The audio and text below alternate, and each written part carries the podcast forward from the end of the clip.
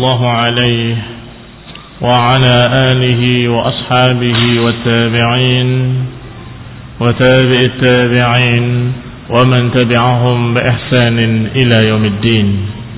يا أيها الذين آمنوا اتقوا الله حق تقاته ولا تموتن إلا وأنتم مسلمون. يا أيها الناس اتقوا ربكم الذي خلقكم من نفس واحدة وخلق منها زوجها وبث منهما رجالا كثيرا ونساء. واتقوا الله الذي تساءلون به والأرحام. إن الله كان عليكم رقيبا. يا أيها الذين آمنوا اتقوا الله وقولوا قولا سديدا. يصلح لكم أعمالكم ويكفر لكم ذنوبكم. ومن يطع الله ورسوله فقد فاز فوزا عظيما. أما بعد فإن خير الحديث كتاب الله وخير الهدي هدي محمد صلى الله عليه وعلى آله وسلم وشر الأمور محدثاتها فإن كل محدثة بدعة وكل بدعة ضلالة وكل ضلالة في النار. Khonifuddin A'azakumullah Masih kita melanjutkan kajian kitab Ighasatul Lahafan. Min Masaidi Syaitan. Sampai pada bab yang ke-13 Yaitu bab Fi makaidi syaitan Allati yakidu biha Ibn Adam. Bab yang ke-13 Membahas tentang tipu daya syaitan yang dipakai oleh mereka para syaitan untuk menggoda manusia. Dan sudah disampaikan pada bab yang lalu bahwasanya Allah Subhanahu wa taala menceritakan ucapan iblis laknatullah alaih. Qala rabbi bima aghwaytani la uzayyinanna lahum fil ardi wa la ughwiyannahum ajma'in. Kata Allah, iblis berkata, "Wahai Rabbku, dengan apa yang engkau sesatkan aku maka niscaya aku akan indahkan untuk mereka di muka bumi ini. Ini akan diindahkan oleh syaitan dengan sesuatu yang telah menyesatkan syaitan. Wala ughwiyannahum ajma'in kata iblis. Dan sungguh aku akan sesatkan mereka seluruhnya. Illa ibadaka minhumul mukhlasin. Kecuali hamba-hambamu ya Allah yang ikhlas di sini kita mendapatkan faidah pada bab yang lalu dibahas bahwa iblis sudah bersumpah untuk menggoda manusia. Pada yang kedua, bahwasanya manusia yang tidak akan bisa tergoda oleh syaitan ada para mukhlisin, orang-orang yang ikhlas yang beribadahnya hanya untuk Allah Subhanahu wa taala. Kemudian dikatakan oleh Allah Subhanahu wa taala, "Qala hadza siratun 'alayya mustaqim." Kata Allah, ini adalah jalanku yang lurus Inna ibadi laisa laka alaihim sultan. Sesungguhnya hamba-hambaku tidak ada kekuasaan atasmu kepada mereka. Ini engkau tidak akan memiliki kekuasaan untuk bisa menggiring mereka. Illa man ittaba'aka minhum aw minal ghawin. Kecuali orang-orang yang memang mengikuti kamu dari orang-orang yang sesat. Dalam ayat lain Allah juga katakan innahu laisa lahu sultanun 'ala alladziina amanu. Bahwa sesungguhnya syaitan tidak memiliki kekuasaan terhadap orang-orang yang beriman. Demikian pula dalam ayat lain Allah katakan tentang ucapan iblis, "Wa ma kana li 'alaikum min sultan." Kata iblis, aku tidak memiliki kekuasaan sedikit pun terhadap kalian. Berarti Allah Subhanahu wa taala mengkhabarkan kepada kita manusia bahwa syaitan memang misinya menggoda manusia dan misinya ingin menyesatkan manusia. Hanya saja syaitan tidak bisa menentukan. Hanya saja syaitan tidak bisa menguasai dan syaitan nggak bisa dan nggak memiliki sultan terhadap manusia khususnya orang-orang yang beriman, khususnya orang-orang yang ikhlas dalam beribadah. Sehingga syaitan hanya mengambil bagian yang sudah Allah janjikan.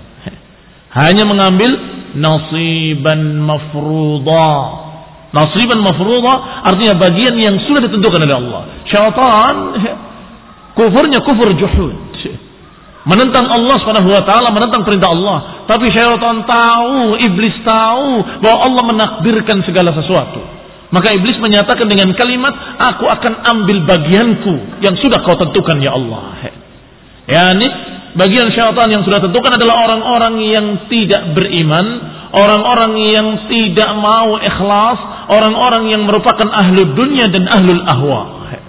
Pengekor hawa nafsu, budak-budak dunia. Inilah yang akan mudah digiring oleh syaitan kepada apa yang dimaukannya. Dikatakan oleh Allah tentang ucapan syaitan. Wa ma kana li alaikum min sultanin illa an da'autukum fastajabtum li. Aku tidak memiliki kekuasaan atas kalian dan aku tidak bisa menentukan kalian. Aku hanya mengajak kalian, kemudian kalian sambut ajakanku. Lihat ucapan iblis.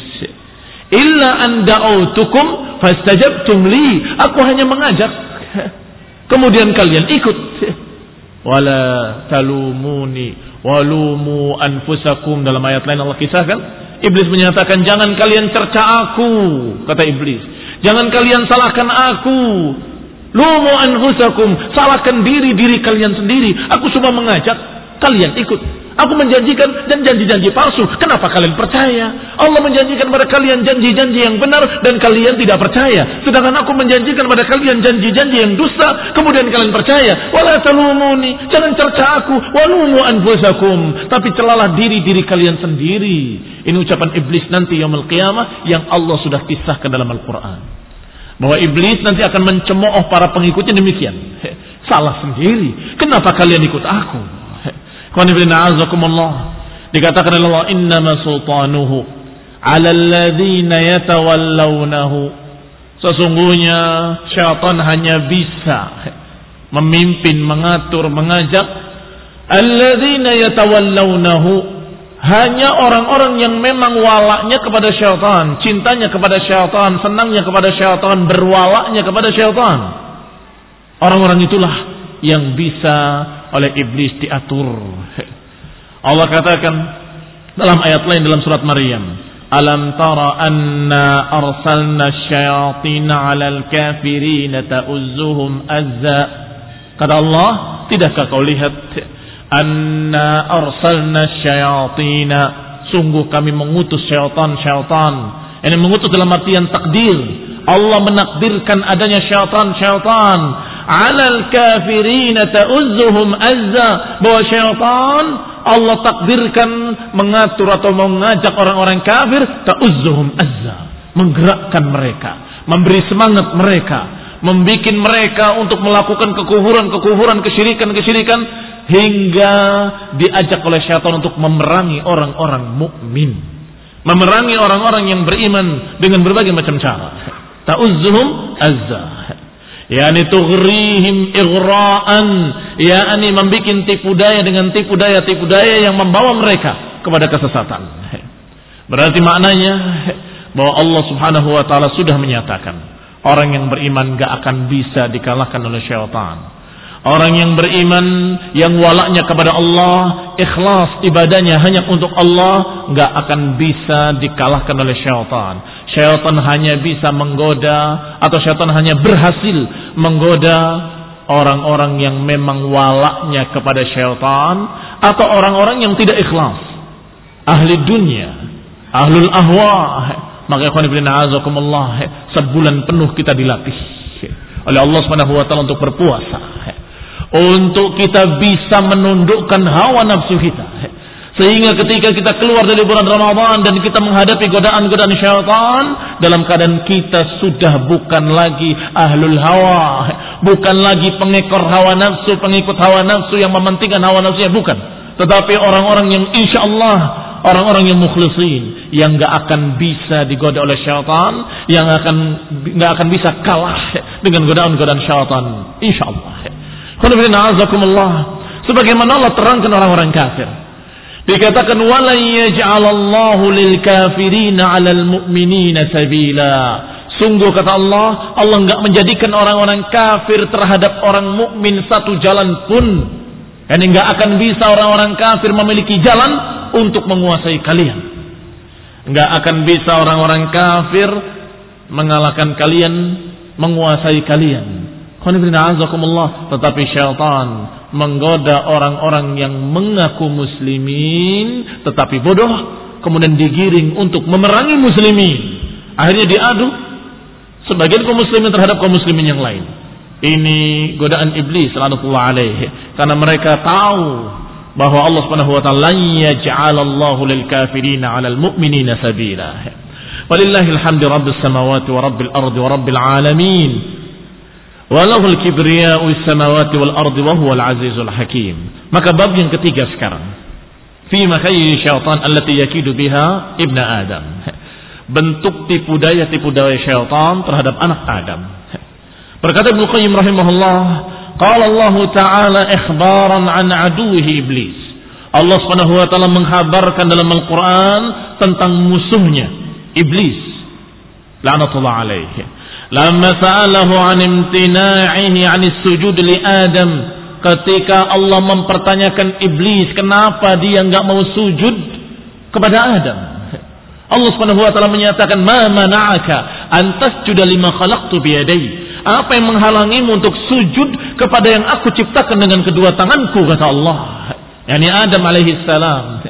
Ternyata iblis la'natullah alaihi menyatakan dengan sombongnya, "Wahtijajuhu bi annahu khairun minhu." Iblis berhujjah bahwasanya iblis lebih baik daripada Adam. Jadi ketika dia tidak mau sujud, Aba wastakbara wa kana minal kafirin. Iblis menolak untuk sujud kepada Adam. Dan iblis termasuk makhluk yang kufur kepada Allah. Enggak mau tunduk, enggak mau taat dengan perintah Allah untuk sujud kepada Adam. Ketika Allah Subhanahu wa taala menyatakan kepada para malaikatnya, "Isjudu li Adam fasajadu illa iblis." Kecuali iblis, aba wastakbara wa kana minal kafirin. Maka iblis menolak dan sombong dan iblis menjadi makhluk yang kafir, juhud, menentang Allah Subhanahu wa taala. Maka Allah pertanyakan, "Ma mana'aka an tasjuda lima khalaqtu bi yadai?" Apa yang menghalangimu untuk sujud kepada yang aku ciptakan dengan kedua tanganku? Apa jawaban iblis? Ana khairun minhu khalaqtani min narin wa khalaqtahu min tin aku lebih baik dari Adam. Engkau ciptakan aku dari api sedangkan engkau ciptakan Adam dari tanah. Lihat membantah ucapan Allah Subhanahu wa taala dengan argumentasi akalnya sendiri. Bukankah api lebih mulia daripada tanah? Dan aku diciptakan dari api sedangkan Adam diciptakan dari tanah Bukankah api lebih mulia dari tanah? Maka semestinya Adam yang menghormati aku, bukan aku yang menghormati Adam. Ini ihtijaju bi annahu khairun minhu. Maka Allah Subhanahu wa taala mengutuknya. Dan sesungguhnya kata Allah bagimu adalah laknat, laknat dari Allah Subhanahu wa taala, diusir dari jannah, diturunkan dari jannah sampai iblis sa'alahu an yundhirahu. Iblis meminta untuk ditunda. Apa kata iblis? Amdirni ila yaumi yub'atsun. Ya Allah tundalah kematianku sampai hari dibangkitkan. Fa'ammarahu. Maka Allah pun memberi tunda. Allah mengabulkan permintaannya. Silahkan. Innaka minal mundarin. Sesungguhnya engkau termasuk yang ditunda kematianmu. Sampai hari dibangkitkan nanti. Maka iblis oleh Allah Subhanahu wa taala diberi kesempatan untuk hidup terus sampai hari ini sampai akan datang dan sampai hari kiamat kelak. Iblis laknatullah alaih. Dan Allah Subhanahu wa taala Maha tahu bahwa iblis memang akan berkata begitu. Dan Allah Maha tahu memang iblis akan menggoda manusia. Dan Allah Maha tahu bahwa iblis Allah takdirkan demikian memang sebagai godaan-godaan manusia. Sehingga jadilah manusia di dunia memiliki musuh yaitu iblis dan anak buahnya yang selalu menggoda manusia ke jalan-jalan yang jelek, ke jalan-jalan sesat, jalan kufur, jalan bid'ah. Dan Allah Subhanahu wa taala menyatakan laisa laka alaihim sultan. Engkau tidak memiliki kekuasaan terhadap hamba-hambaku.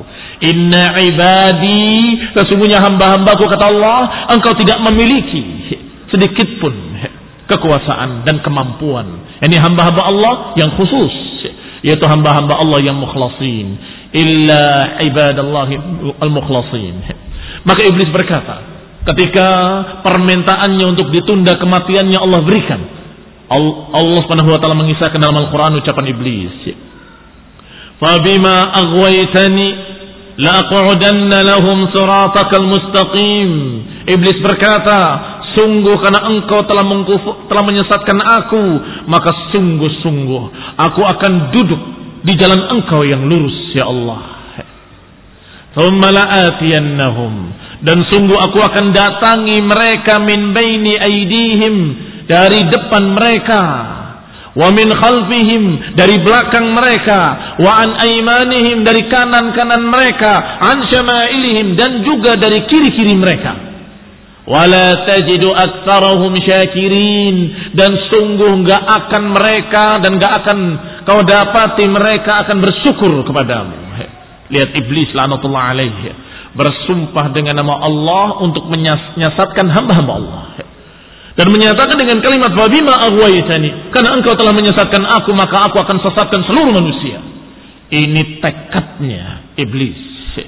Ini misi iblis lanatullah alaih untuk menyesatkan manusia secara keseluruhan Thumma kata iblis aku akan datangi mereka dari depan mereka dari belakang mereka dari kiri mereka dari kanan mereka berarti dari seluruh penjuru kata Ibnu Qayyim rahimahullah Syaitan tidak mengatakan dari atas mereka. Karena Allah di atas mereka. Dan syaitan tidak akan mampu. Maka empat penjuru mata angin. Syaitan mendatangi manusia. Dari depan, dari belakang, dari kiri, dan dari kanan. Berkata para jumhur, mufassirin, kebanyakan para ahli tafsir, dan juga para nuhat, para ahli nahu. Menyatakan hudifa harf ala fantasab al-fi'l dimahdufkan tidak disebutkan huruf ala maka fiilnya menjadi mansub seakan-akan dialah maf'ul pada kalimat apa pada kalimat la aq'udanna sirataka. Sungguh aku akan duduk sirataka. Sesungguhnya di sana maknanya sungguh aku akan duduk ala sirati. Kalau ada huruf ala sirati maka sirat dalam keadaan majrur. Majrur biharfi jar yaitu ala. Tetapi karena alanya mahdzufun tidak ditulis dan tidak terbaca tetapi terpahami maka tetap maf'ulnya dalam keadaan dia mansub. La aqudanna sirataka fantasaba. Wa takdir maka takdirnya la aqudanna lahum ala siratikal mustaqim. Sungguh sungguh aku akan duduk di jalan engkau yang lurus. Dengan lamu taukid dan nunut taukid yang maknanya penekanan dan sungguh-sungguh. Berarti maknanya syaitan bersumpah dengan sungguh-sungguh, sungguh-sungguh, sungguh-sungguh aku akan duduk di jalan engkau ya Allah yang lurus. Wadzahir dan yang tampak kata Ibnu Qayyim anna al-fi'la mudmarun fa innal qa'id ala syai'i mulazimun lahu bahwa fi'il di sana adalah mudmar yakni memiliki dhamir di dalamnya karena al-qa'id ala syai' mulazimun lahu. Karena orang yang duduk pada sesuatu, maknanya orang itu akan terus menetap di sana. Ya, ini bukan makna duduk-duduk seperti yang kita pahami saja, tapi lebih luas dari itu. Duduk dalam artian terus-menerus akan berada di sana untuk menghalangi manusia. Sebagaimana dikatakan seseorang, di mana kamu duduk? Saya duduk di sana. Di negeri fulan. Maksudnya tinggal di sana. Bukan hanya duduk, bisa duduk, bisa berdiri, bisa berjalan, bisa bekerja. Yang jelas dia tinggal di sana. Tapi pertanyaannya kamu duduk di mana? Saya duduk di kota Anu, saya duduk di negeri Anu. Ini yang dikatakan mulazimun lah. Seorang yang duduk bisa bermakna duduk dalam artian menetap di sana. Faka'annahu qala maka seakan-akan iblis berkata la aqudanna siratakal mustaqim bermakna sungguh-sungguh aku akan terus menerus berada di jalanmu yang lurus untuk menghalangi manusia. Berada di jalan Allah yang lurus bukan untuk menjalani jalan yang lurus bukan sama sekali. Tapi justru sebaliknya duduk untuk menghalangi manusia, duduk untuk menggoda manusia, duduk untuk menghalau manusia agar jangan menjalani jalan tersebut. Ini makna la aqudanna siratakal mustaqim. Yani la alzimannahu wala arsadtuhu wala uwijannahu. Sungguh aku akan terus menerus di sini. Sungguh aku akan mengawasi terus menerus dan aku akan simpangkan manusia terus menerus wa nahwa dan yang semakna dengan itu. Dikatakan dalam riwayat dari Ibn Abbas radhiyallahu taala anhu makna siratal mustaqim aku akan duduk di jalanmu yang lurus apa jalanmu yang lurus Ya ini kata Ibn Abbas, dinakal wadih. Aku akan duduk di agamamu yang lurus, yang jelas. Demikian kata Ibn Abbas. Berarti syaitan mengucapkan tadi dengan sumpah bahwa dia akan duduk di jalan agama, di jalan din yang sangat jelas, yang sangat gamblang. Wa qala Ibnu Mas'ud dan berkata Ibnu Mas'ud radhiyallahu taala anhu, huwa kitabullah. Bahwa yang dimaksud adalah Al-Qur'an aku akan duduk di jalan Al-Quran. Maka siapa yang menjalani jalan Al-Quran akan menghadapi syaitan. Ini sudah mesti. Sudah suatu yang otomatis. Karena syaitan sudah bersumpah di hadapan Allah dan kemudian dia menjalankan menjalankan sumpahnya dan dia duduk di jalan Allah yang lurus. Sehingga siapa pun yang menjalani jalan Allah, yang menjalani jalan Quran, yang menjalani jalan agama yang wadih, yang sangat jelas, maka dia pasti akan menghadapi syaitan, iblis dan anak buahnya. Berkata Jabir ibn Abdullah radhiyallahu anhu bahwa makna siratakal mustaqim maknanya adalah al-Islam. Aku akan menghalangi jalan Islam. Sehingga orang yang mau masuk Islam pasti akan menghadapi berbagai macam halangan-halangan dari iblis. Karena dia sudah bersumpah akan duduk di jalan-jalan keislaman. Yaitu jalan-jalan Al-Quran, yaitu jalan-jalan agama, jalan-jalan syariat Allah, jalan-jalan sunnah, jalan-jalan yang diajarkan oleh Rasulullah sallallahu alaihi wasallam mau tidak mau akan berhadapan dengan iblis. Laknatullah alaihi. tidak gampang. Tidak gampang jalan ini. Jalan sunnah, jalan tauhid tidak mudah, bukan jalan yang berbunga, tapi jalan yang penuh resiko. Jalan yang akan kamu menghadapi iblis. Musuh yang paling jahat terhadap manusia. Musuh yang paling berbahaya bagi manusia. Qala dikatakan selanjutnya oleh Ibn Qayyim rahimahullah. Wal jami' ibaratun an ma'nan wahid. Sesungguhnya ungkapan-ungkapan tadi dari tafsir-tafsir para sahabat dan para ulama. Sesungguhnya ungkapan tentang makna yang sama. Makna yang satu. Jalan Islam, jalan Quran, jalan agama yang lurus sama maknanya. Jalan Islam yang maknanya jalan Quran wa sunnah, jalan Quran dan sunnah maknanya jalan Islam, jalan Islam dan jalan Quran sunnah maknanya jalan agama. Maka tidak ada pertentangan dalam hal ini. Walhamdulillah rabbil alamin. Bukan ikhtilaf atau bukan ikhtilaf yang bertentangan, tetapi perkara-perkara yang sesungguhnya mengungkapkan perkara yang sama. Qala huwa at-tariqul musil ila Allah taala yaitu menggambarkan jalan yang akan menyampaikan kepada Allah Subhanahu wa taala. Wa qad taqaddama hadis Samurah Ibn al-Fakihah, "Inna syaitan qa'ada li ibni Adam bi atruqihi kulliha." Dan sudah disebutkan riwayat kisah ucapan Samurah Ibn al-Fakihah bahwa syaitan bahwasanya syaitan akan duduk di jalan anak Adam bi atruqihi kulliha di seluruh jalan-jalannya. Ini enggak bertentangan. Katanya jalan yang lurus saja. Kok di sini semua jalan-jalannya dalam satu riwayat? Iya. Karena makna jalan yang lurus adalah jalan agama. Kalau jalan agama berarti semua jalan-jalan kebaikan pasti akan berhadapan dengan syaitan. Kamu ingin berpuasa, kamu ingin bersadaqah, kamu ingin beribadah, kamu ingin salat malam, kamu ingin apa pun amalan saleh, maka itulah jalan-jalan agama maka mesti akan menghadapi syaitan yang membisikkannya dan menggodanya. Dan menyatakan kepadanya, kenapa kamu? Mau ke mana kamu? Syaitan qa'ada ala tariqil Islam. Dalam hadis sebuah disebutkan dengan rinci. Bahwa syaitan akan duduk pertama di dalam Islam. Mau ke mana kamu? Mau masuk Islam? Kamu meninggalkan agama nenek moyangmu? Kamu meninggalkan agama keluargamu, sanak familimu, orang-orang tuamu yang terhormat. Kamu akan tinggalkan ajarannya. Kamu akan masuk ke dalam agama yang baru, yang diada-adakan oleh mereka baru-baru ini, dan seterusnya, dan seterusnya, dan seterusnya. Fa'aba ketika orang ini menolak godaan syaitan. Dan istiqamah tetap masuk Islam. Maka syaitan duduk lagi. Di jalan hijrah. Setelah beriman, duduk di jalan hijrah. Mau ke mana kamu? Mau hijrah? meninggalkan agamamu, meninggalkan keluargamu, meninggalkan rumahmu dan negerimu. Kamu akan berjalan meninggalkan sanak familimu di negerimu untuk meninggalkan mereka di perantauan. Sungguh perantauan itu adalah tempat yang mengerikan. Kamu akan sengsara, kamu akan susah, kamu akan begini, akan begini, akan begini. Ya'idukumul faqra. Syaitan membayang-bayangkan al-faqr. Membayang-bayangkan kemiskinan, kekurangan, kesengsaraan. Kalau orang itu istiqamah dan terus jalan Aku tetap akan hijrah. Maka duduk lagi di torikil jihad. Setelah hijrah, jihad. Maka dihalangi lagi dari jalan jihad. Apakah kamu mau berangkat meninggalkan keluargamu? Kamu terbunuh, maka istrimu akan dinikahi orang lain. Kamu terbunuh, hartamu akan diwarisi oleh orang-orang lain. Kalau kamu terbunuh, kamu akan begini, kamu akan begitu.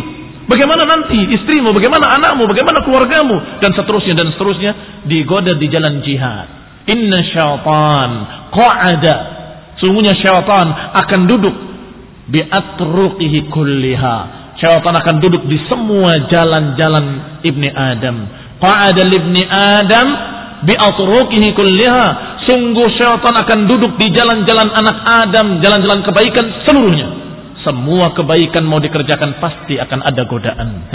Alif lam mim. Ahasiban nasu ay yusraku ay yaqulu amanna wa hum la yuftanun. Kata Allah dalam surat Al-Ankabut Alif Lam Mim. Ahasiban nas, apakah manusia mengira bahwa mereka akan dibiarkan mengatakan amanna wahum la yuftanun? Apakah akan dibiarkan mengatakan kami beriman tanpa diuji kata Allah? Pasti akan ada ujian dan terutama dan pertama ujian ini ujian dari godaan-godaan syaitan, ujian dari iblis laknatullah alaih. Maka makna ayat tadi ucapan iblis di hadapan Allah la aq'udanna siratakal mustaqim. Sungguh aku akan duduk di jalanmu yang lurus maknanya akan menghalangi di jalan-jalan kebaikan di jalan-jalan agama di jalan-jalan sunnah di jalan-jalan tauhid fama min tariqi khairin illa wa syaitan qa'idun alaih maka tidak ada jalan kebaikan mana pun kecuali syaitan akan duduk di jalan itu menghalangi manusia yaqta'uhu 'ala salik dan akan memutus jalan orang-orang yang menjalaninya. Kemudian setelah menyatakan seperti itu iblis berkata, Kemudian aku akan duduk. Aku kemudian aku akan mendatangi mereka dari depan mereka, baina aidihim di atas antara kedua tangan masuk di depan. Wa min khalfihim dari belakang mereka. Wa an aimanihim wa syama'ilihim dari kanannya dan dari kirinya. Berarti dari empat arah syaitan akan mendatangi manusia. Berkata Ibnu Abbas, dari depan mereka dalam riwayat Atiyah dikatakan min qibali dunia, tapi dikatakan riwayat ini lemah. Yang lebih sahih dari riwayat Ali radhiyallahu taala anhu, yakni ashkakahum fi akhiratihi. Ketika dari depan digoda, maknanya digoda apa yang merupakan pandangan mereka ke depan. Orang saleh ketika beramal saleh, pandangannya ke depan ke mana? Ketika dia beramal dengan amalan saleh, beribadah, mengerjakan sunnah-sunnah, apa pandangan mereka? Yang mereka pandang pahala di akhirat, keriduan Allah Subhanahu wa taala. Maka syaitan menghalangi dari depan, maknanya mengkaburkan apa yang mereka bayangkan tadi. Kamu mengharapkan akhirat, belum tentu ada. Rugi kamu, sesuatu yang belum tentu kamu tunggu-tunggu. Sekarang yang nyata di dunia ini kenikmatan kamu tinggalkan. Ini godaan syaitan dari depan. Ashkakahum fi akhiratihim. Mereka diragukan terhadap akhirat mereka. Wa kadzalika qala Al-Hasan. Demikian pula dikatakan oleh Al-Hasan Al-Basri rahimahullah bahwa syaitan mendatangi manusia dari arah depan yakni min qibalil akhirah dari arah pengkaburan akhirat. Takdziban bil ba'thi wal jannati wan nar. Mendustakan kebangkitan mendustakan surga mendustakan neraka sehingga syaitan akan membisikkan kepada orang-orang yang akan beramal soleh tadi ngapain kamu ngapain kamu meninggalkan duniamu yang nikmat dan lezat hanya untuk menyengsarakan dirimu padahal akhirat belum tentu padahal akhirat itu masih belum pasti kalau nanti ternyata nggak ada dunia, nggak ada surga, nggak ada neraka. Rugi kamu. Sudahlah, yang biasa-biasa saja. Kamu kerjakan-kerjakan sedikit-sedikit saja. Yang penting kamu tidak kafir itu saja. Yang penting kamu nanti kalau ada jannah dan nar, ya kamu masih tergolong muslimin. Kalau nggak ada, kamu sudah bernikmat-nikmat dengan dunia katanya. Banyak manusia yang tergoda dengan pikiran seperti ini. Padahal itu pikiran syaitaniyah, pikiran kufur. Kenapa kufur? Kufur syak. Kufur meragukan akhirat. Apa hukumnya meragukan akhirat? Inna lillahi wa inna ilaihi raji'un. Kok bisa seorang muslim berbicara kepada ahlu sunnah. Ini muslim, mengaku muslim dan masih sholat. Mengatakan kepada ahlu sunnah, kalian ini terlalu berlebih-lebihan. Terlalu berlebih-lebihan kalian ini mengerjakan sunnah-sunnah. Udahlah sekadarnya saja. Jadi kalau ada surga dan neraka kita masih muslim. Kalau nggak ada surga dan neraka kita juga udah ngerasa kenikmatnya dunia katanya. Loh, ucapanmu itu sangat mengerikan. Ketika kamu mengatakan kalau ada dan kalau tidak ada, berarti kamu nggak yakin. Kalau kamu nggak yakin, kamu kafir, murtad, keluar dari Islam. Apa namanya mukmin kalau bukan mukminun billah wa bi wa narih? Apa maknanya iman kalau bukan beriman kepada Allah dan jannahnya? Beriman kepada Allah dan nar yang dipersiapkannya, beriman kepada Allah dan hari akhir. Itu adalah ucapan meragukan tentang akhirat dan itu kufrun. Itu adalah godaan atau ucapan-ucapan syaitan. Zukhrufal qawli ghurura. Kalimat kufur dirangkai seakan-akan indah. Ikhwan ibn a'azakumullah muslimin yang saya hormati. Berkata pula Mujahid rahimahullah bahwa makna min baini aidihim yakni min haitsu yubsiruna Wa min khalbihim qala Ibn Abbas arghabahum fi dunyahum. Kata Mujahid, makna min baini aidihim didatangi dari depan mereka. Yani mimma yubsirun kata Mujahid. Ini tentang apa yang dipandangnya dan tentunya orang mukmin memandangnya jauh ke depan, ke akhirat. Dia berjalan di dunia tapi yang dipikirkan oleh mereka dengan pandangannya adalah surga dan neraka. Oh ini jalan surga, saya kerjakan. Oh ini jalan neraka, saya nggak mau. Ini membuat Allah ridho, saya kerjakan. Ini membuat Allah murka, saya jauhi. Ini gambaran mereka selalu ke depan. Jauh ke depan nanti yaitu ke akhiratnya. Tetapi kata Mujahid, ketika iblis menyatakan la atiyannahum min baini aidihim, aku akan datangi mereka dari depan mereka dari apa yang mereka yubsirun, dari apa yang mereka pandang dikaburkan pandangannya itu nanti kebangkitan itu mungkin begini, mungkin begitu, jangan-jangan begini, jangan-jangan ragu. Bukan tulang belulangnya dibangkitkan, bukan dagingnya utuh kembali, bukan itu nggak mungkin, mustahil, nggak masuk akal. Maksudnya kebangkitan itu nanti alam roh lain, dari itu seperti mimpi saja. Lihat, dibikin samar, dibikin ragu, dan akhirnya dibikin kecil. Seperti mimpi. Kalau kamu mimpi sengsara bagaimana? Bangun selesai. Tidak terasa apa-apa katanya. Itu adalah godaan syaitan, bisikan syaitan. Karena yang namanya kebangkitan disebutkan dalam Al-Quran. Jasadan wa lahman dibangkitkan jasadan walahman wa idhaman dagingnya tulang belulangnya badannya tubuhnya dibangkitkan. Ketika mereka mempertanyakan man yuhyil idhama wa hiya siapa yang mem membangkitkan tulang belulang yang sudah rapuh ini? Ini adalah peraguan dari iblis dan kemudian terbawalah musyrikin dengan bisikan-bisikan iblis, kemudian mengambil tulang belulang yang telah hancur di hadapan Rasulullah SAW, menghancurkannya, meniupkannya ke wajah Rasulullah dengan kurang ajarnya sambil menyatakan? Siapa yang bisa membangkitkan tulang belulang yang sudah rapuh seperti ini? Ditertawakan oleh musyrikin. Maka Allah Subhanahu wa taala menjawab, "Qul katakan wahai Rasul pada mereka, qul yuhyiha alladhi ansha'aha awwala marrah." Katakan pada mereka, yang akan menghidupkannya adalah yang menciptakannya pertama kali. Menciptakan pertama kali bisa, apalagi cuma mengulangi. Kebangkitan itu kan mengulangi. Membangkitkan orang yang telah mati itu mengulangi kehidupan. Orang itu hidup, kemudian mati, kemudian diulangi lagi, hidup lagi, kan begitu. Allah subhanahu wa ta'ala maha kuasa untuk menciptakan manusia di pertama kali. Ansha'aha awwala marrah. Menciptakannya pertama kali.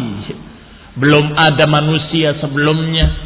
Belum ada makhluk yang seperti kalian, seperti kita. Belum pernah ada makhluk yang mirip dengan kita. Tidak ada. Lam yakun syai'an madhkura.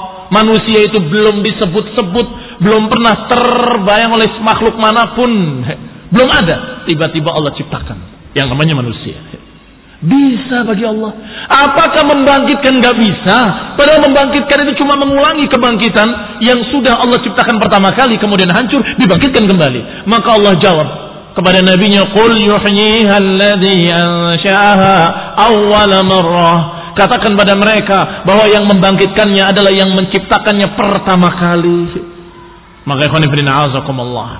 Perintah-perintah dalam Quran dan Sunnah selalu diiringi bagi orang-orang yang beriman, bagi orang-orang yang beriman, bagi bagi orang yang beriman. In kuntum mu'minin, in kuntum mu'minin. Selalu diakhiri dengan kalimat in kuntum mu'min. Kalau kalian percaya dengan kebangkitan, kalau kalian percaya dengan akhirat, liman kana yarjullaha wal yaumal akhir. Bagi orang yang masih berharap akhirat. Demikian pula dalam hadis-hadis, man kana yu'minu billahi wal yaumil akhir falyukrim dhaifahu Man kana yu'minu billahi wal yaumil akhir falyaqul khairan aw liyasmut. Man kana yu'minu billahi wal yaumil akhir. Barang siapa yang beriman pada Allah dan hari akhir. Barang siapa yang beriman pada Allah dan hari akhir. Barang siapa yang beriman pada Allah dan hari akhir. Kenapa harus kalimat barang siapa? Karena orang yang tidak beriman dengan akhirat dan hari akhir, untuk apa diperintah? Gak akan taat. Kamu kerjakan sholat. Saya nggak yakin surga itu ada apa nggak ada. Apa kamu taat dia? La Allah, tidak demi Allah dia nggak akan taat karena dia tidak beriman pada Allah dan hari akhir. Maka perintah-perintah dalam Quran, perintah-perintah dalam Sunnah adalah untuk kaum mukminin, orang-orang yang beriman. Iblis laknatullah alaih tahu. Ini kuncinya satu. Kalau mereka tuh ragu terhadap akhirat, gugur semua syariat ini nggak akan ditaati, nggak akan tunduk mereka pada Quran dan Sunnah. Kalau ragu terhadap akhirat, maka mulai digoda. Aidihim kata iblis. Aku akan datangi dari depan mereka. Aku ragukan akhirat. Mau ke mana kalian? Akhirat itu belum tentu, surga belum tentu ada, jannah juga belum tentu, neraka juga belum tentu. Kamu yakin? Ini adalah begini, begini, begini terus. Dibikin kabur, dibikin kabur, dibikin kabur. Sedangkan kata Ibn Abbas, dari belakang mereka sebaliknya yaitu arghabahum fi dunyahum. Dibikin mereka untuk cinta pada dunia. Yakni digambarkan kalau seorang itu berjalan dari dunia ini menuju akhirat. Dia rela untuk mengorbankan dunianya untuk berjalan menuju keriduan Allah dan jannahnya. Sehingga kalau dari hadapannya diragukan tentang tujuannya. Ketika dari belakangnya dibikin cinta dengan apa yang ditinggalkan. Dengan apa yang ditinggalkan kamu mau ngaji di pondok pesantren, meninggalkan pekerjaanmu yang gajinya sekian. Gila kamu, sungguh gila. Kamu begini, kamu begitu. Syaitan, iblis, lanatullah alaih. Memiliki anak buah minal jinnati wan nas. Dari jin dan manusia. Kadang terbisik di benaknya. Kadang benar-benar terdengar di telinganya. Dari siapa? Dari temannya sendiri. Loh apakah temannya itu syaitan? Bukan. Dipinjam mulutnya oleh syaitan. Ya bulan, kamu ninggalkan kerjaanmu yang demikian besar hasilnya. Kamu tinggalkan hanya untuk masalah sunnah, untuk masalah jenggot dan masalah jubah. Dianggapnya itu kecil oleh mereka, oleh pembisik-pembisik ini. Ini syaitan. Hati-hati dari godaan-godaan syaitan. Mereka akan mendatangi dari depan dan mendatangi pula dari belakang. Ketika diragukan terhadap akhirat tidak berhasil, saya tetap beriman dengan akhirat, beriman pada Allah dan hari akhir dan saya beriman kepada jannatu haq, wal nar haq, wal hisabu haq, wal mahsyar haq. Maka syaitan putus asa dari sana pindah dari jalan lain, dari belakangnya. Ini lihat belakangmu, coba tengok. Kamu nengok dulu belakangmu. Begitu nengok ke belakang, sudah diindahkan dunia. Kamu akan mendapatkan ini mendapatkan tempat yang nyaman, mendapatkan uh, permadani yang empuk, kamu akan mendapatkan harta emas dan perak, kamu akan mendapatkan kedudukan yang tinggi, kamu akan mendapatkan wanita-wanita yang cantik, kamu akan mendapatkan sekian macam dunia diindahkan oleh iblis sebagai godaan manusia. Ya, ini sebagaimana Al Hasan juga menjawab bahwa min khalfihim ay min qibali dunyahum yakni dari sisi dunia mereka. Uzayyinaha lahum wa lahum. Kata iblis aku akan indahkan dunia terhadap mereka. Aku uzayyinaha aku akan hiasi dunia. Dan aku akan bikin mereka suka terhadap dunia. Biasanya pertama kali akan dibisikkan yang bisa diterima oleh manusia yang sedang ingin sunnah. Apa yang dikatakan bisikan-bisikan pertama? Kamu itu, kalau kamu nanti kaya, kamu bisa menyumbang pondokmu. Kamu bisa mendukung nanti dakwahmu. Oh iya ya, betul sana. Ketika sudah langkah pertama, lain bicaranya. Kamu kalau ditinggalkan terus ngaji, ini nanti akan bangkrut daganganmu. Kamu pikir tujuanmu nanti. Tujuannya kan nanti ke sana-sana juga. Tapi sabar. Kamu sabar dulu supaya maju dulu ini perusahaan kamu. Tetapi nggak maju-maju. Sudah setahun, dua tahun, tiga tahun pas-pasan terus. Bisa hidup cukup. Tapi untuk kaya belum. Belum dalam artian apa? Belum dalam artian kepuasan belum. Karena manusia nggak akan pernah puas. Nggak akan pernah puas. Satu pengen dua, dua pengen tiga, tiga pengen empat dan seterusnya. Hatta dia memiliki satu lembah emas, dia ingin menginginkan lembah yang kedua. Kalau dia memiliki satu gunung emas, dia ingin gunung yang kedua. Hatta sampai zurtumul maqabir. Sampai masuk kalian ke liang kubur. Sampai kalian tanah masuk ke mulut kalian. Ikhwan Dikatakan di sini min qibali dunyahum uzayyinaha lahum wa ushahiha lahum.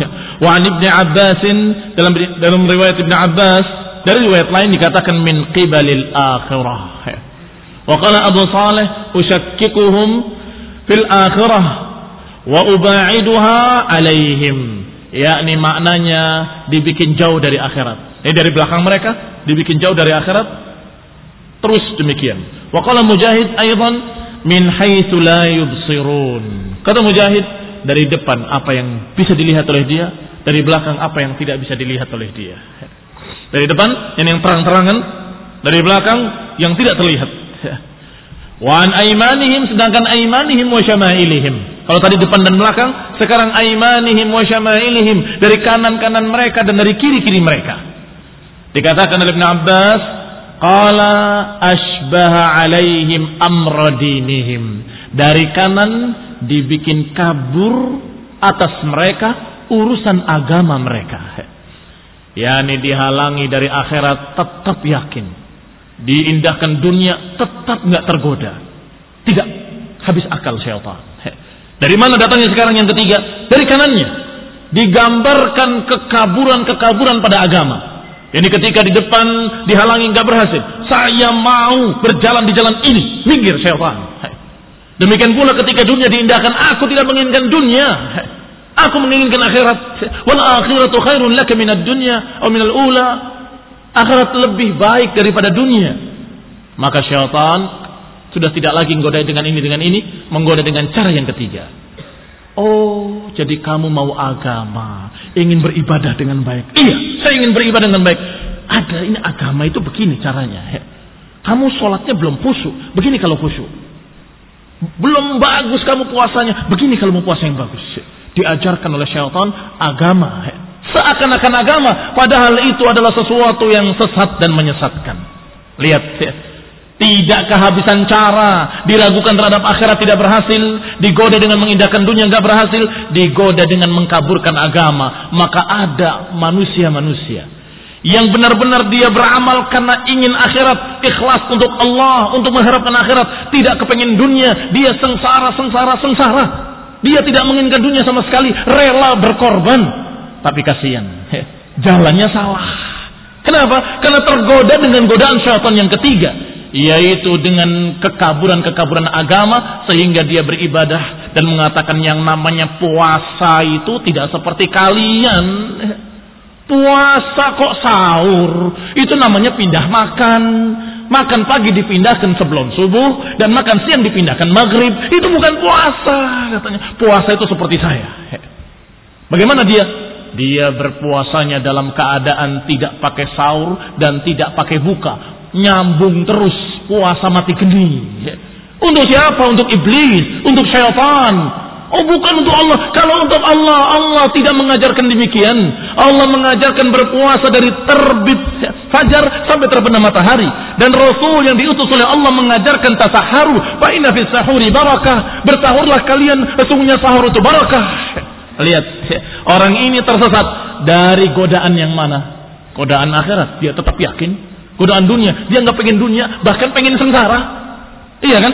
Pengen sengsara dia berlapar-lapar sampai 40 hari 40 malam mutih air putih tok nggak makan nggak makan apa pun kaum muslimin yang saya hormati ini berarti tergoda oleh syaitan dari kanannya yang dikatakan oleh Ibn Abbas yakni asbah alaihim amradinihim dikaburkan urusan agamanya mau sholat diajak sholat yang salah mau puasa diajak puasa yang salah Mau haji diajak haji yang salah. Memuliakan ulama, memuliakan dengan cara yang salah.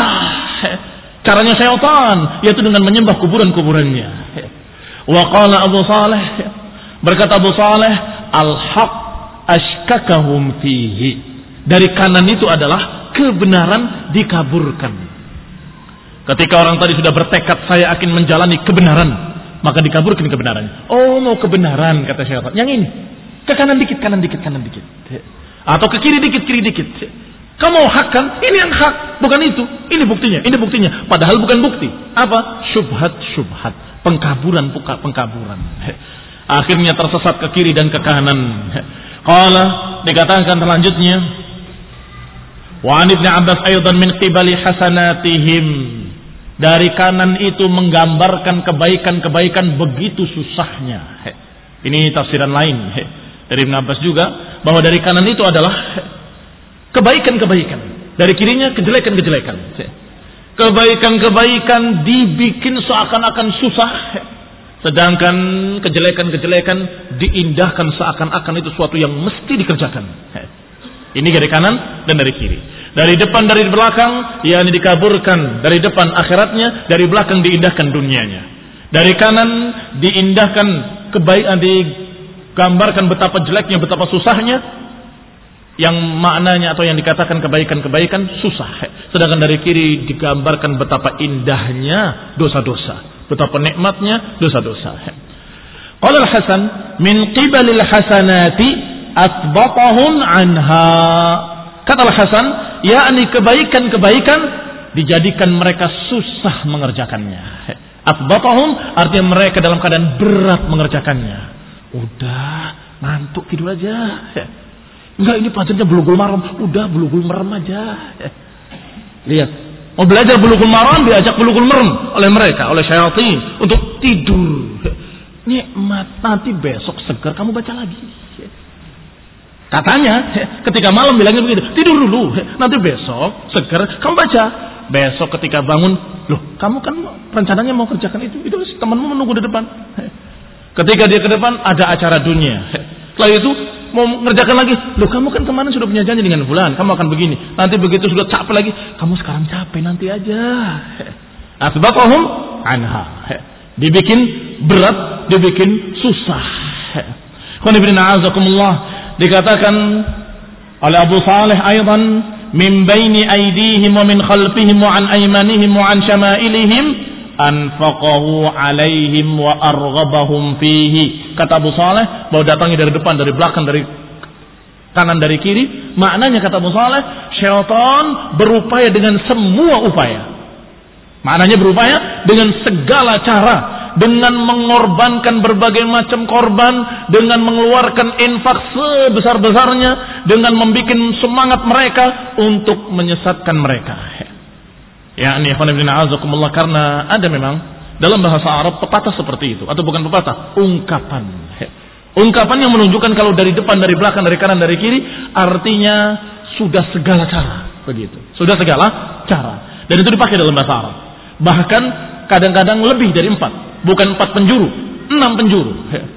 Setelah depan, belakang, kiri, kanan masih ada atas dan bawah. Ini ungkapan untuk menunjukkan betapa seluruh cara sudah dikerjakan.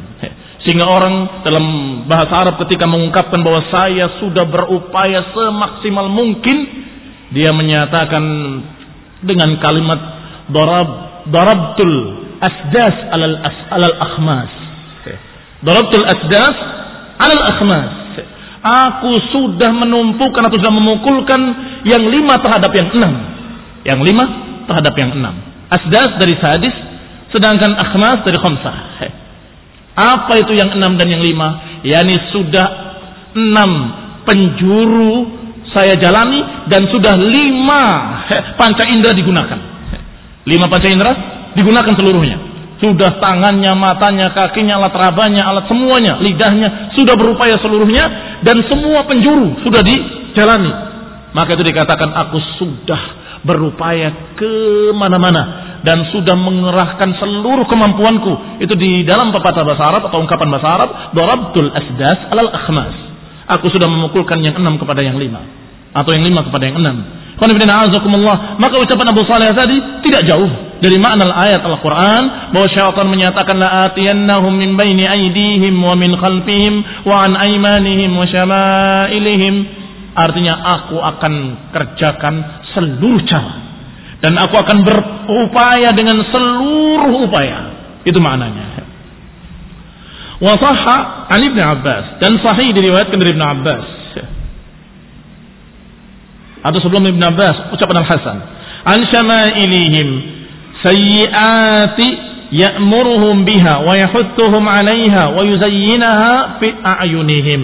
Kata Al Hasan, sedangkan dari kirinya karena tadi berpendapat beliau dari kanan itu kebaikan-kebaikan yang dianggap susah, dianggap berat. Kamu mau beribadah susah, berat, capek.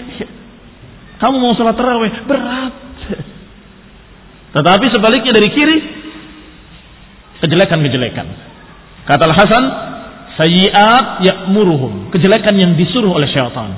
Ini suatu yang nikmat untuk kamu. Kerjakan yahutsuhum mendorongnya menganjurkannya wa yuzayyinaha dan mengindahkan dosa-dosa tadi kejelekan-kejelekan tadi di mata-mata mereka. Ini bukan dosa ini sekedar refreshing. Ini kan sekedar urusannya adalah sekedar kita uh, roha sejenak. Saatan li rabbak wa saatan li qalbak katanya. Sesaat untuk Allah sesaat untuk hatimu. Kata penyanyi sebelum nyanyi bilang gitu saat li rabbah Wasaat li ghalbak. A'udzubillahi minasyaitonir rajim. Maksudnya seperti apa dikatakan oleh keumuman orang-orang fasik bahwa jangan kamu itu ibadah-ibadah terus sekali-kali hiburan. Padahal kaum mukminin sudah cukup mereka nikmat ketika baca Quran. Cukup mereka nikmat dengan salat. Sampai-sampai Rasulullah SAW menyatakan arihna ya Bilal. Ketika menyuruh Bilal untuk azan, apa ucapan Rasulullah? Arihna ya Bilal membuat rahah. Arihna, istirahatkan kami ya Bilal. Artinya azanlah ya Bilal. Kami ingin kembali istirahat, kembali ingin tentram hati dengan salat. Subhanallah. Dan salatul lail dijuluki dengan salatul tarawih. Karena memang orang mukmin merasa rahah dalam salat itu. Merasa tentram hati, merasa dia mendapatkan obat dari kegelisahan-kegelisahannya, mendapatkan obat dari kejenuhannya. Masya Allah. kaum muslimin yang saya hormati. Maka kalau begini keadaannya, yang namanya kebaikan-kebaikan itu sesungguhnya satu yang nikmat, tetapi digambarkan oleh iblis lanatullah alaih sebagai perkara-perkara yang mengerikan, yang susah, yang berat, yang merupakan beban-beban dan seterusnya dan seterusnya. Wasahan Ibn Abbas dan diriwayatkan dalam riwayat yang sahih dari Ibn Abbas, walam yakul min fawqihim. Dalam ayat tadi iblis tidak mengatakan dari atas mereka. Kenapa? Li'annahu alima anna Allah min fawqihim. Karena iblis tahu bahwa syaitan bahwa Allah Subhanahu wa taala di atas mereka. Syaitan tahu bahwa Allah di atas mereka. Maka datang dari depan, datangi dari belakang, datangi dari kiri, dari kanan, tidak menyebut dari atas. Khonibina azakumullah masih ingat kisah atau riwayat Ibn Mas'ud ketika meriwayatkan dari Rasulullah SAW tentang siratul mustaqim. Disebutkan di kanan kirinya ada jalan-jalan, ada pintu-pintu, ada tirai-tirai dan kemudian di sana ada yang mengajak halumma halumma, kemarilah kemarilah. Dan dari atas apa dari atas? Hah? Panggilan Al-Quran memanggil kemarilah jalanlah jalan yang lurus ini. Yani dari atas adalah panggilan dari Allah Subhanahu wa taala. Maka iblis tahu kalau dari atas itu tidak bisa. Dari depan, dari belakang, dari kiri dan dari kanan. Dari depan dihalangi supaya jangan terus berjalan, dari belakang ditarik supaya kembali, dari kiri disimpangkan ke kanan, dari kanan disimpangkan ke kiri dan seterusnya. muslimin yang saya hormati. Dikatakan qala Sya'bi wa fallahu azza wa jal anzala rahmat alaihim min fauqihim. Kata Syabi, iya, tidak disebut dari atas karena dari atas Allah Subhanahu wa taala menurunkan rahmat dari atas. Maka orang itu selamat dengan rahmat Allah Subhanahu wa taala. muslimin yang saya hormati. Berarti di sini ada ucapan Ibn Abbas dan ada ucapan Syabi. Dan tidak pertentangan antara keduanya bahwa syaitan mengatakan dari depan, dari belakang, dari kiri, dari kanan, tidak mengatakan dari atas, kata Ibn Abbas karena Allah di atas mereka. Kata Sya'bi, karena Allah menurunkan rahmat dari atas mereka. Qala Qatadah rahimahullah. Ataka syaitan. Ya ibn Adam. Min kulli wajhin ghaira annahu lam yakun min fawqik. Kata Qatadah, syaitan akan datang kepadamu. Wahai anak Adam.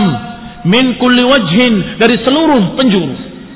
Ghaira annahu lam ya'tuk lam ya'tik min fawqik hanya saja syaitan tidak datang dari atasmu. Lam yastati an yahula bainaka wa baina rahmatillah. Karena syaitan tidak bisa menghalangi kamu dari rahmat Allah Subhanahu wa taala. Kalau Allah memberikan rahmat, syaitan tidak bisa menghalangi. Ke depan jalan mereka menuju akhirat ditutup oleh syaitan, dihalangi supaya balik. Bahwa akhirat itu belum tentu. Dari belakang diajak untuk kembali. Lihat belakangmu, jangan tinggalkan. Kembali, kembali. Dari kanan untuk menyesatkan jalannya agar serong ke kanan sedikit atau kerong ke kiri atau terus mereka menyimpang kanan dan ke kiri. Tetapi dari atas bagaimana mungkin syaitan bisa menghalangi rahmat Allah? Dan dari atas itulah turunnya rahmat. Maka syaitan nggak mampu untuk menghalangi rahmat Allah sehingga tidak disebut dari atas mereka. Maka kalimat dorabtul asdas alal akhmas Bukan masalah ini. Bukan ungkapan syaitan. Tapi ketika orang itu sudah berupaya semaksimal mungkin, maka dia mengatakan sungguh darabtul asdas alal akhmas. Sungguh aku sudah gunakan seluruh perangkat indraku yang lima dan aku sudah arahkan ke seluruh penjuru, aku nggak berhasil. Bisa apa nggak bisa? Bisa. Karena dia ketika ke atas, ya ya Allah, berdoa pada Allah Subhanahu wa taala semoga berhasil. Termasuk upaya. Wa muslimin yang saya hormati. Dikatakan pula selanjutnya, qala al-wahidi wa qawlu man qala al-imanu kinayatun anil hasanat wa syama'il aiman kinayatun anil hasanat wa syama'il kinayatun anil sayyiat hasanun لأن العرب تقول اجعلني في يمينك ولا تجعلني في شمال في شمالك kata al-wahidi Orang yang berpendapat, ini para ulama yang berpendapat bahwa aiman maknanya adalah kebaikan-kebaikan. Sedangkan syama'il maknanya adalah kejelekan-kejelekan. Itu adalah tafsir yang hasan, tafsir yang bagus. Kenapa? Karena orang-orang Arab biasa berkata, "Ij'alni fi yaminik wa la taj'alni fi shimalik." Jadikan aku di kananmu, jangan jadikan aku di kirimu. Maksudnya jadikan aku berada di tempat yang baik di sisimu. Jangan kau jadikan aku di tempat yang jelek di sisimu. Ini di, tempat musuh-musuhmu, jangan. Tapi di tempat yang baik di sisimu, ini kananmu. Berarti kanan memang hasanat dan itu tafsir yang hasan. Demikian dikatakan oleh Al-Wahidi. Turid ij'alni minal muqaddim muqaddamina indak. Yani jadikan aku orang yang engkau kedepankan, orang yang engkau muliakan, orang yang engkau berikan kebaikan kepadanya. Wala taj'alni minal muakhirin. Makna jangan jadikan aku dikirimu, yakni jangan jadikan aku menjadi orang-orang yang dibelakangkan olehmu, dikesampingkan olehmu.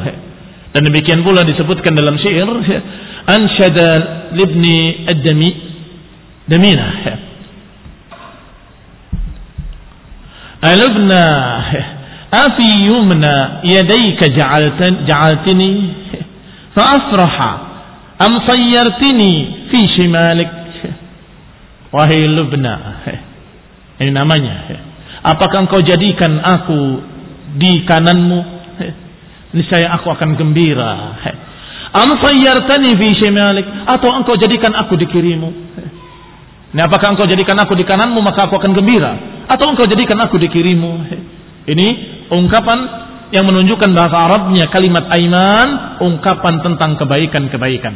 Sedangkan syama'il ungkapan tentang kejelekan-kejelekan dan diriwayatkan pula oleh Abu Ubaid dari Asma'i rahimahullah huwa indana bil yamin Ungkapan bahasa Arab berkata, Huwa indana bil yamin. Orang itu di sisiku berada di kanan.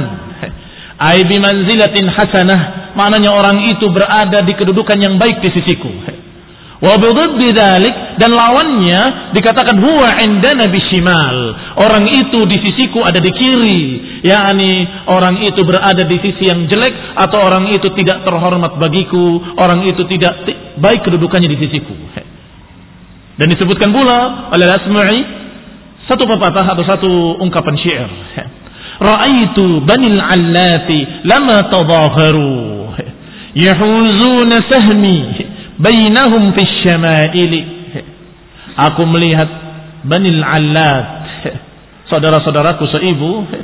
Lama tawafaru ketika mereka menang yahuzuna sahmi bainahum fi syama'il. Mereka mengarahkan atau meletakkan panah-panahku di sisi mereka di kiri-kiri mereka ini mereka setelah menang, padahal itu saudara-saudara ibuku. Tapi ketika mereka menang dalam pertempuran, mereka justru menjadikan kami di sisi kiri mereka. Sahmi bisa bermakna bagian kami. Sahmi bisa bermakna anak panah, tapi bisa bermakna pula bagian kami. Sedangkan bagian kami dijadikan di sisi kiri mereka. Yang didudukan di kedudukan yang jelek.